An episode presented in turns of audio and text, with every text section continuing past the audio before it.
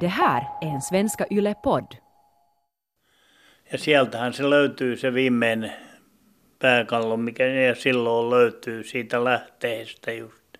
Se oli siellä niin kuin pysty sieltäkin ruosteen moskaa. Se oli aivan se täynnä, että se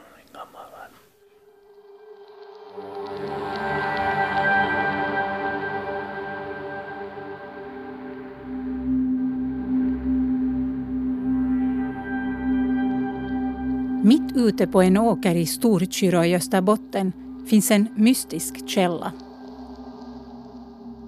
I den har man i hundratals år hittat ben. Människoben av 98 olika individer.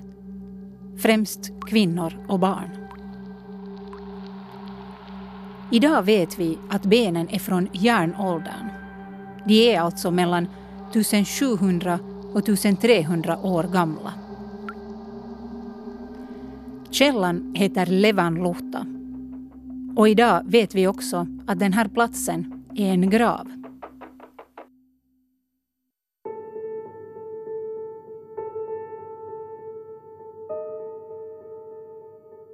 Du lyssnar på andra delen av Svenska Yle-podcasten Mysteriet med människobenen i källan. Där vi försöker ta reda på vem det är som ligger i Levanluhta och vad man borde göra med alla de ben som man hittat där. Mitt namn är Johanna Grönqvist.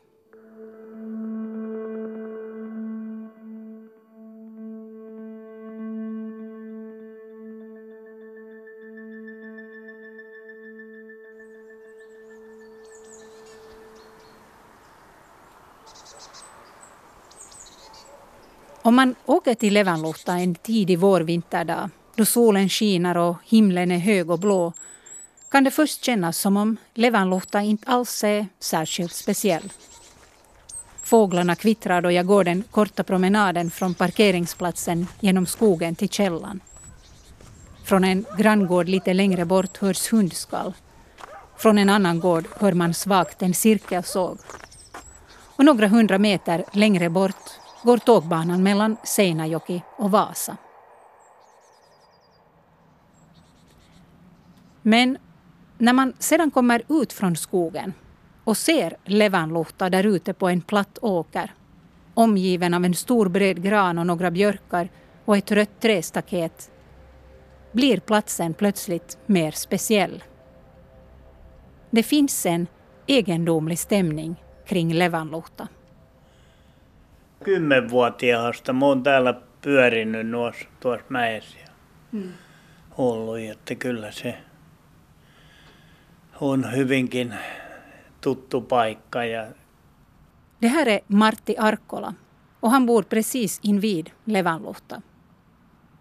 Han har bott här större delen av sitt liv och minns hur han som barn lekte med sina vänner vid källan.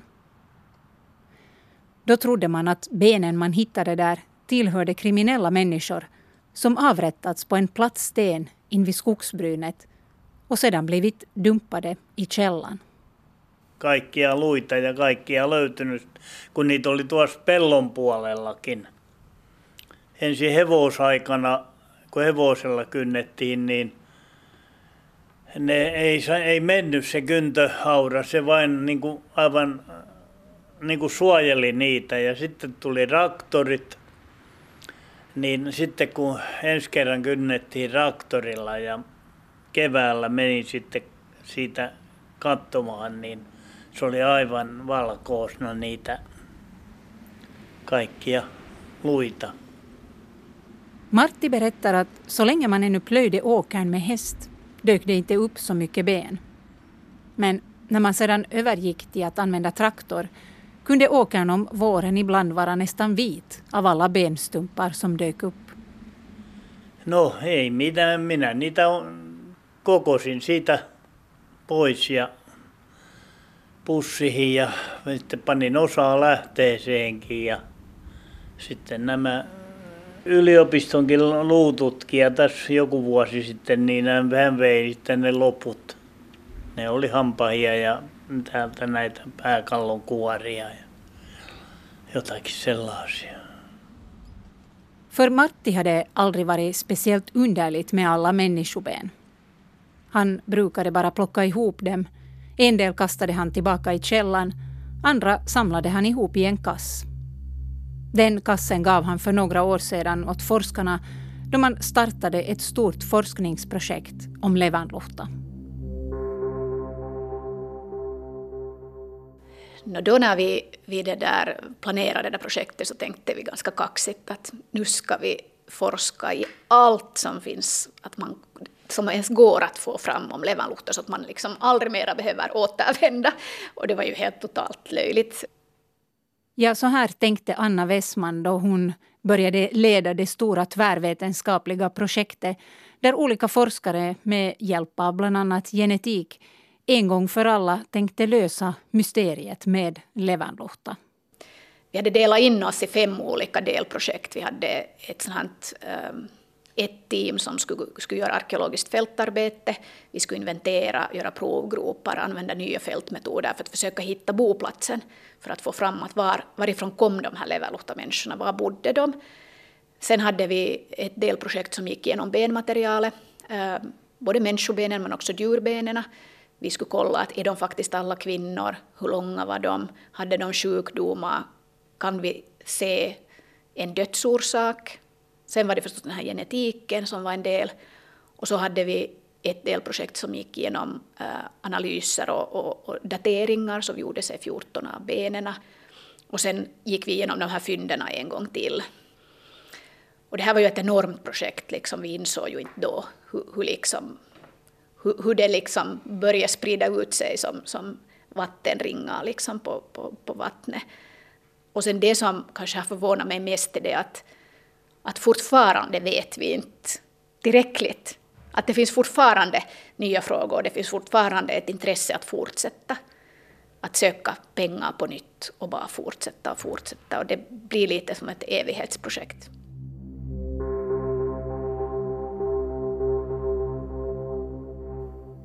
Ja, Levanluhta är ett evighetsprojekt för en arkeolog som Anna. Det är hela tiden nya frågor som dyker upp. Och en av de frågor som fortfarande förbryllar forskarna är dödsorsaken. Så vi vet inte vad de dog av. Vi vet att de var relativt friska. Eh, där fanns en öroninflammation eller öroninfektion. Så hade de lite slitna leder, vissa äldre människor, men det är helt normalt. Så det finns inga liksom belägg på att någon skulle ha blivit dödade, utan det är en begravningsplats för människor som har dött okej, här måste vi ta och avbryta Anna ett tag. För hon pratar om att en av de här individerna som ligger begravda i Levanluhta hade haft öroninflammation. Men hur kan man se det på ben som är ungefär 1700 år gamla? Inflammationer lämnar spår på benen. Att, nu måste vi komma ihåg att det fanns ju ingen antibiotika eller något annat heller. Så att när du hade din öroninflammation så hade du säkert blivit ganska Eh, hemsk. eller liksom, eh, så att den har lämnat efter spår inuti öronbenen helt enkelt. Så att alla sjukdomar lämnar inte efter sig spår, men, men vissa sjukdomar gör det.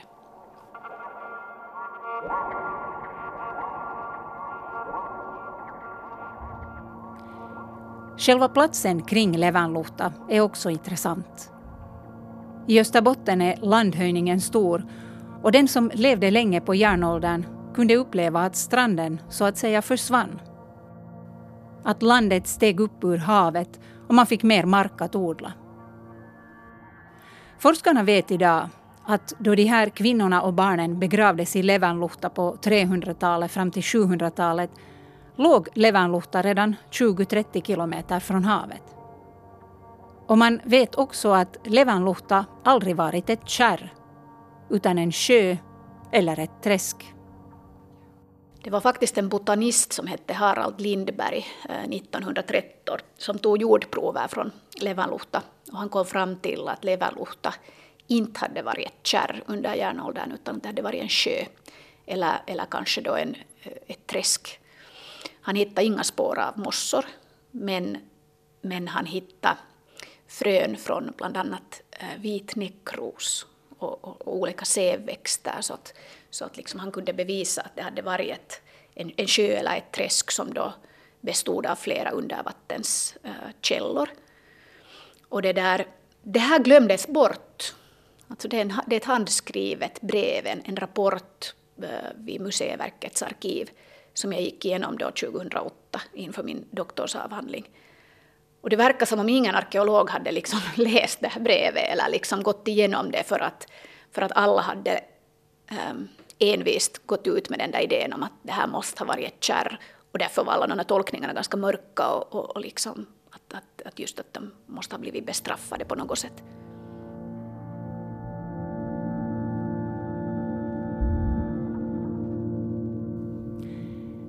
En annan lite förbryllande sak med Levanluhta är att det ligger i periferin, eller i utkanten. Man har alltså fört hit kvinnorna och barnen någonstans längre bort ifrån. För arkeologerna hittar inga boplatser i närheten av Levanluhta. De vet alltså inte var de här människorna bodde. Nej, det vet vi inte. Vi hittar ingenting. Vi, vi, vi gick igenom de här åkrarna runt omkring med metalldetektorer. Vi gjorde provgropar, vi gjorde fosfatkarteringar, eh, vi gjorde sådana eh, metoder där vi, där vi liksom kom fram till att Levanluhta har varit mycket större än, än det som är bevarat idag. Så det har varit en, en, en, en större sjö eller ett större, ett större träsk. Men vi hittar ingenting som skulle kunna tyda på var de bor. Så att vår tolkning just nu är att, att det här har varit en periferi. Man har med flit valt att transportera de här människorna dit till den här platsen, längre bort ifrån. Nu vet vi att alla eh, samtida järnåldersgravarna eh, ligger vid, vid, vid älven Kyro, vid Kyro älv. Så att, och det är ganska lång, det är, inte, det är inte lång väg, men om du tänker att du måste transportera en död människa från Kyro älvtrakten till, till Evaluhta så, så blir det nog en bit att gå eller, eller färdas. Så att det, det är någonting som, som lite väcker, väcker liksom fråg, frågor att vad, vad, vad beror det på? Men, det där, men, men vi, vi, har nog kommit fram till att, att det, det är med flit, det, det är någonting som man har velat göra.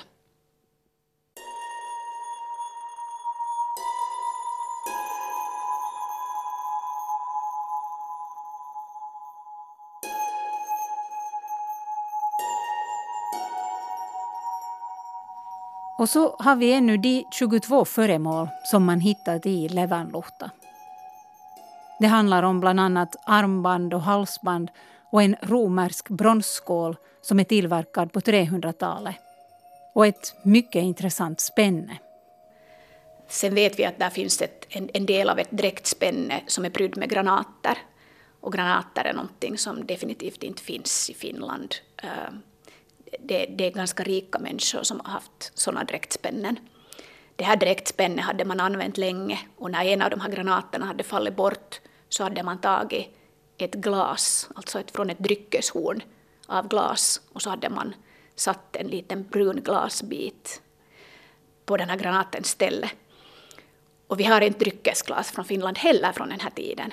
Så att det också tyder på att, att man har varit ganska högt uppe i samhällsskicket för att ens kunna komma åt glas. Så att det är inga fattiglappar som är begravda här. Så att man måste gå igenom liksom hela helheten för att kunna göra en tolkning och dra en slutsats utifrån det. Så vad vet vi då om dem som blev begravda i Levanluhta? vi har ju lärt oss ganska mycket om, om de här individerna. Vi vet att det är främst kvinnor och barn som har blivit begravda. Det är ganska speciellt, vi har inte riktigt sådana begravningsplatser på andra håll i Finland eh, under järnåldern eller någon annan tid heller. Ehm, sen vet vi att de har blivit begravda långt bort från alla andra. Det har varit en periferi. Vi vet att, att de antagligen på något sätt har varit speciella i och med att man har valt ut att det är just kvinnor och barn som blir begravda i vatten. Och vad beror det här på? Är det ideologiskt? Är det tro och religion? Det är jättesvårt att spåra tro och religion på arkeologiskt sätt. Var deras sociala ställning på något sätt annorlunda? Eh, det kan hända för att där fanns rika föremål eller föremål som skulle tyda på att, att åtminstone vissa har varit rika. Men nu har vi ju bara 22 föremål och 98 individer så vi vet ju inte var alla lika rika eller, eller liksom antagligen hade, hade varit ganska heterogent så som det är i samhällen.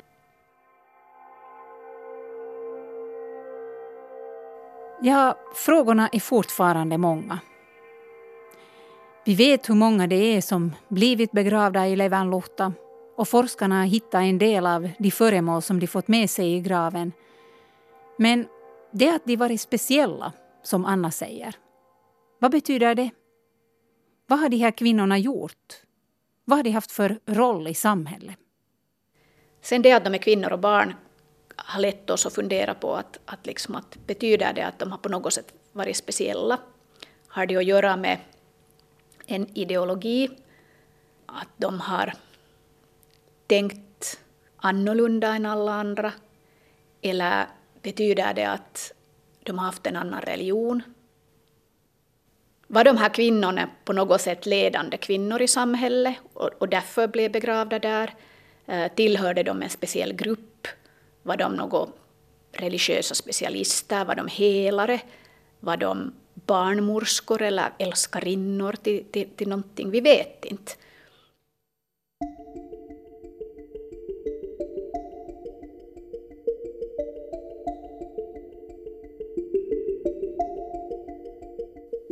Vi vet alltså inte vad det var som gjorde de här kvinnorna och barnen speciella. Men kan då kanske DNA ge oss något svar på vem de var eller varifrån de kom? Nu har ju DNA-proverna visat att, att, att vi har till exempel en skandinav med här. Någon som kommer från Skandinavien. Och nu har vi ett dräktspänne med granater röda granater som vi vet att kommer från Skandinavien. Och vi har den här eh, romerska kitteln som kallas för västlandskittel därför att de är så vanliga i Norge. Att kan det vara att, att den här individen kom med de här föremålen med i den här graven? Sen har vi eh, belägg på att en del av de här avlidna har varit samer. Eller att de har sådana spår som, som vi kan spåra till, till moderna samer. Vad betyder det? Redan länge har man vetat att samerna bott mycket längre söderut än de bor idag. Men det här är alltså nu första gången man helt biologiskt också kan bevisa det.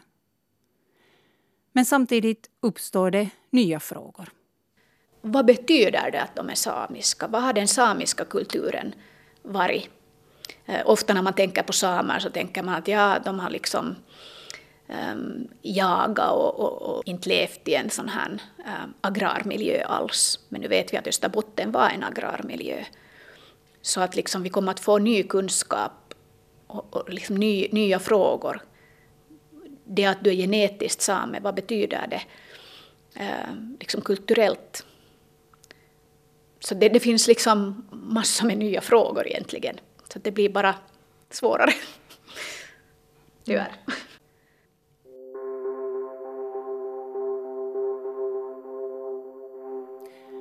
Ja, så fort forskarna får fram ett resultat så väcker det genast nya frågor. Men det att man nu fått fram ett DNA-resultat på fyra av de här individerna som är begravda i Levanluhta och vet att en var från Skandinavien och de tre andra har varit samer, så betyder inte att man kan prata om etnicitet. Anna säger nämligen att etnicitet egentligen inte är något man brukar gå in på inom arkeologi. Därför för att så fort du pratar om etnicitet så börjar du prata politik. Och det, det, liksom, det väcker jättemycket känslor. Och man kan använda den där informationen fel. Så jag brukar vara ganska försiktig. Ehm, för att de människorna som levde för 1400 år sedan, det är inte samma människor som vi pratar om idag.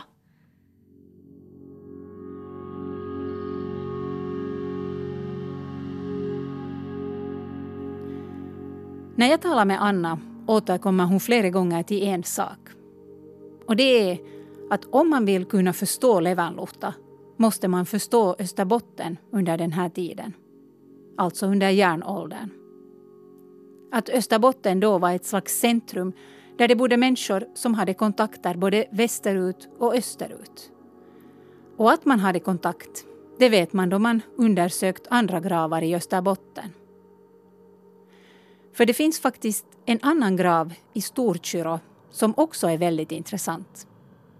Det är frågan om en mer traditionell grav där man bränt de döda eller kremerat dem. Och den här graven är från samma tid som Levanluhta, alltså från järnåldern. Och en grav som innehåller influenser både från öst och väst. Ja, då pratar vi om Pukkila, gravfältet som, som ligger vid, vid Kyroelvi i Storkyro. Och den är alltså då eh, geografiskt sett eh, jättenära Levanluhta. Så de människorna som har bott där har känt till Levanluhta, de är samtida och garanterat veta om varandra. Kanske det är till och med samma, samma människor. Men av någon orsak har man valt att begrava Levaluhtaborna långt bort, eh, längre bort från, från det här bygravfältet. Då. Men nu i Pukkila så råkar det faktiskt vara så att där också finns en båtgrav, en, en kremation med två individer som har blivit begravda i en båt. Båtgravskick är någonting som kommer från Skandinavien. Men i Finland valde man att bränna den här båten. De här två individerna i den här båtgraven har man tyvärr inte kunnat åldersbestämma exakt. Och man kan heller inte säga om det är män eller kvinnor. Om det alltså handlar om två män eller två kvinnor som är begravda, eller far och son. Och det här är lite intressant. För när man tittar närmare på graven och alla de föremål man hittat där så blir forskarna ännu mer förvirrade. Oftast brukar man förknippa båtgravar med män och med, med stormän eller någon slags hövdingar. Eh, och när man tittar på det här gravmaterialet så kan man nog kanske tänka att det skulle kunna vara stormän för där fanns ringsvärd och ringsvärd är någonting som också kommer från Skandinavien. Vi har de här stora båtgravarna i Valsgärde och i Vendel i Uppland, nära Uppsala. Och där, där finns det liksom sådana lik, liknande gravar och liknande föremål. Och då är det ju lätt att tänka att det här måste ha varit en skandinavisk hövding som, som är begravd i det där i Storkyra. Och det som gör den här graven ganska fantastisk är det att det är den enda graven i Finland som har en, en völvastav, en, en järnstav som man i Skandinavien förknippar med völvor, alltså nojder shamaner, eh, spåkvinnor. Och då sa jag den ordet kvinna. Och det är intressant för att kan det här betyda att, att det då ligger kvinnor begravda i den här båten med ringsvärd. Men sen om vi tittar ännu lite vidare på vad man annat har hittat där så har man också hittat föremål från öst. Finland har haft en betydande del, eller tag, haft en, en, en, viktig del i, i pälshandeln till de här östligaste trakterna av, av, av Kammarfloden, eh, områdena kring Perm, den permska kulturen. Och därifrån har man fått bland annat bälten, Nevolino-typens bälten. I det permska området är det kvinnor som bär de här bältena. I de finska gravarna är de alltid i de manliga gravarna i samband med de här ringsvärdena.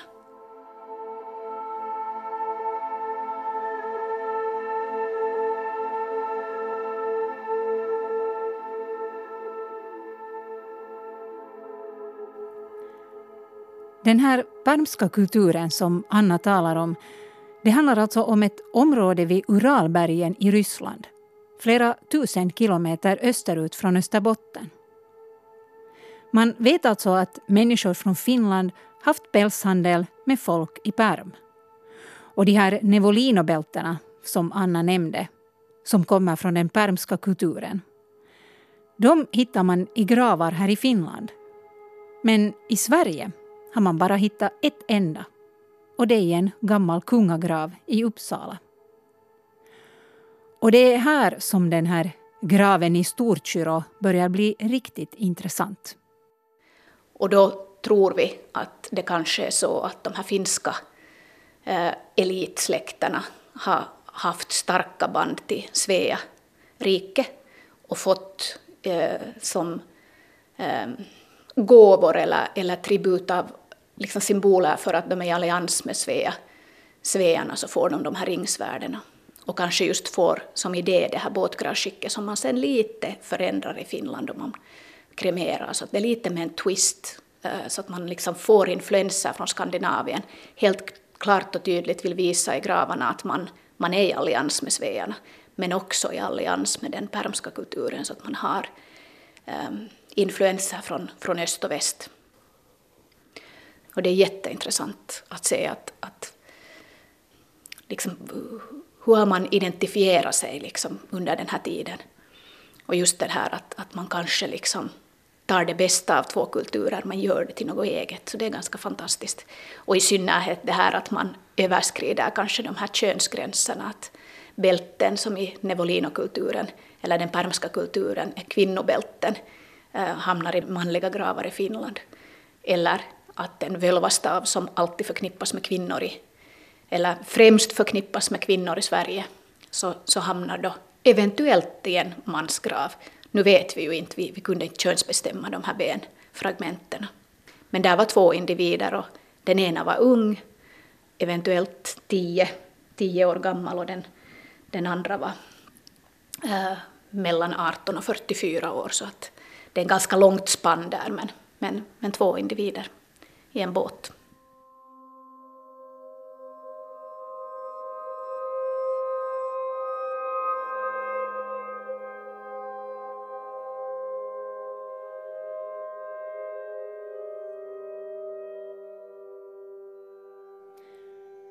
Den här graven visar alltså att man i Storkyrå under järnåldern tog influenser från olika kulturer men sedan gjorde det till något eget.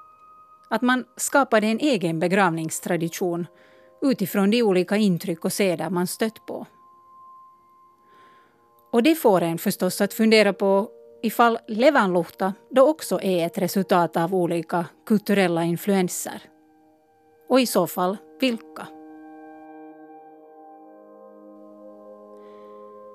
Ja, frågorna kring Levanluhta tycks aldrig ta slut.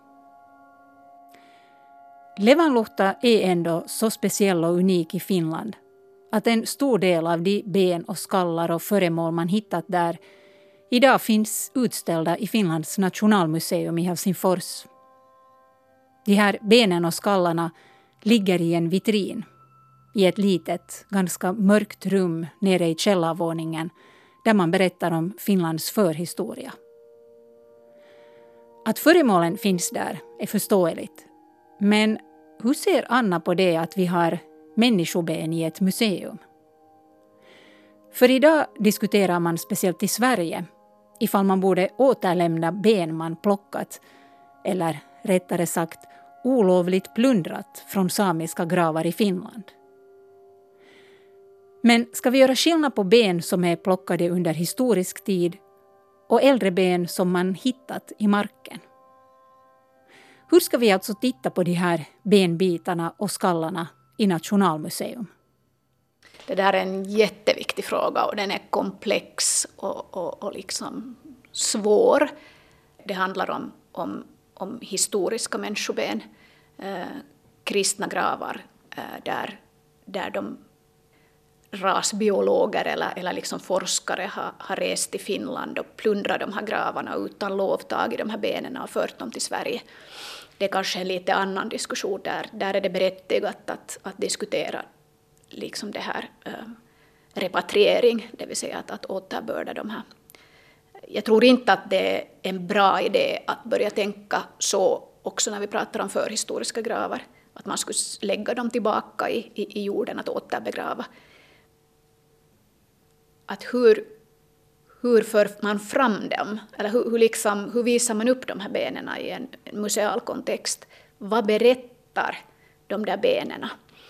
Nu tycker jag att i den här nya utställningen på Nationalmuseet så är de kanske lite bättre utställda i sitt kontext, där en lite bredare story runt omkring. Men fortfarande så tycker jag att det är ganska knapphändig information man får. Att, att du går in i ett mörkt rum och det första du ser är, är liksom skallben.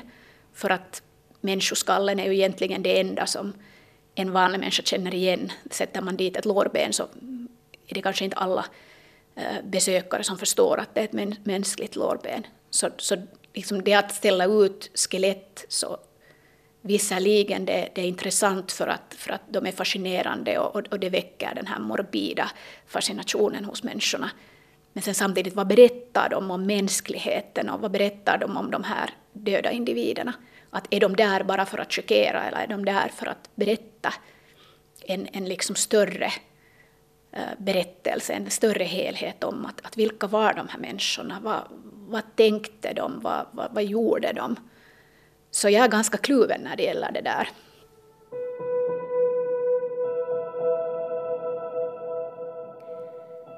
Enligt Anna handlar det om sammanhang. Hur vi visar upp de här benen. Under vilka omständigheter och vems berättelse det är vi för fram. Men Anna pratar också om den morbida fascination vi människor har. Att döden fascinerar oss människor.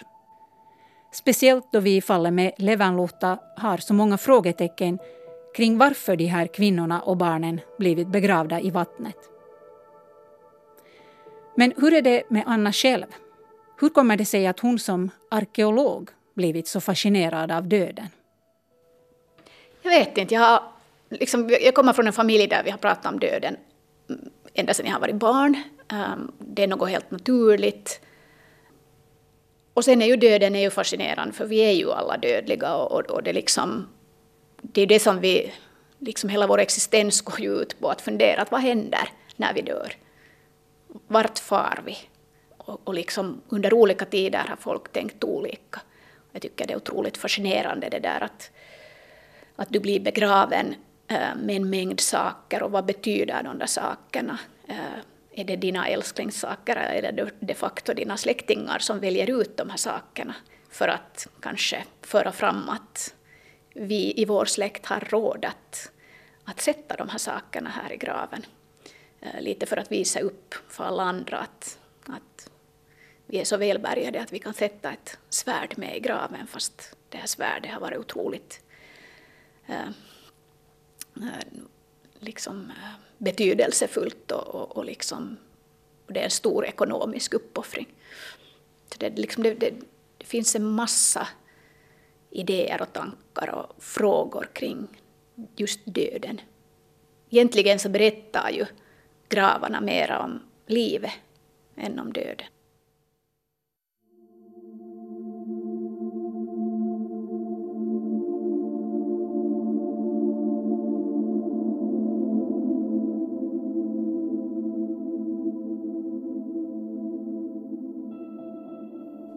Det handlar mer om livet än om döden, säger arkeologen Anna Wessman. Idag vet vi en hel del om dem som begravts i Levanluhta. På basen av de föremål man hittat kan vi säga att en del av dem varit ganska rika. Vi vet också lite om vilka sjukdomar de lidit av och vi vet deras genetiska ursprung. Men varje gång forskarna får fram ny information dyker också nya frågor upp. Så Levanluhta ser ut att förbli ett mysterium trots år av intensiv forskning. Vi kommer kanske aldrig att få ett svar på frågan varför människorna i Storkyrå valde att begrava kvinnorna och barnen i vattnet. Men Mysterier är fascinerande. Speciellt då Levanluhta också handlar om döden. Vi människor har alltid haft olika ritualer inför döden och olika sätt att begrava de döda. Människorna som begravde kvinnorna och barnen i Levanluhta hade garanterat också sina egna ritualer och seder. Kanske tänkte de på hur vi människor så att säga föds i vatten och därför också sänkte de döda kropparna ner i vattnet igen. Eller såg de Levanluhta som en öppning till en annan tillvaro. Eller en startpunkt på en resa till de dödas rike. Det är i alla fall säkert att där ute på åkern i Storkyrå, där Levanluhta ligger, där fortsätter det rostbruna vattnet att sippra fram. Det som gör att källans vatten ibland om vårarna, ser nästan rött ut.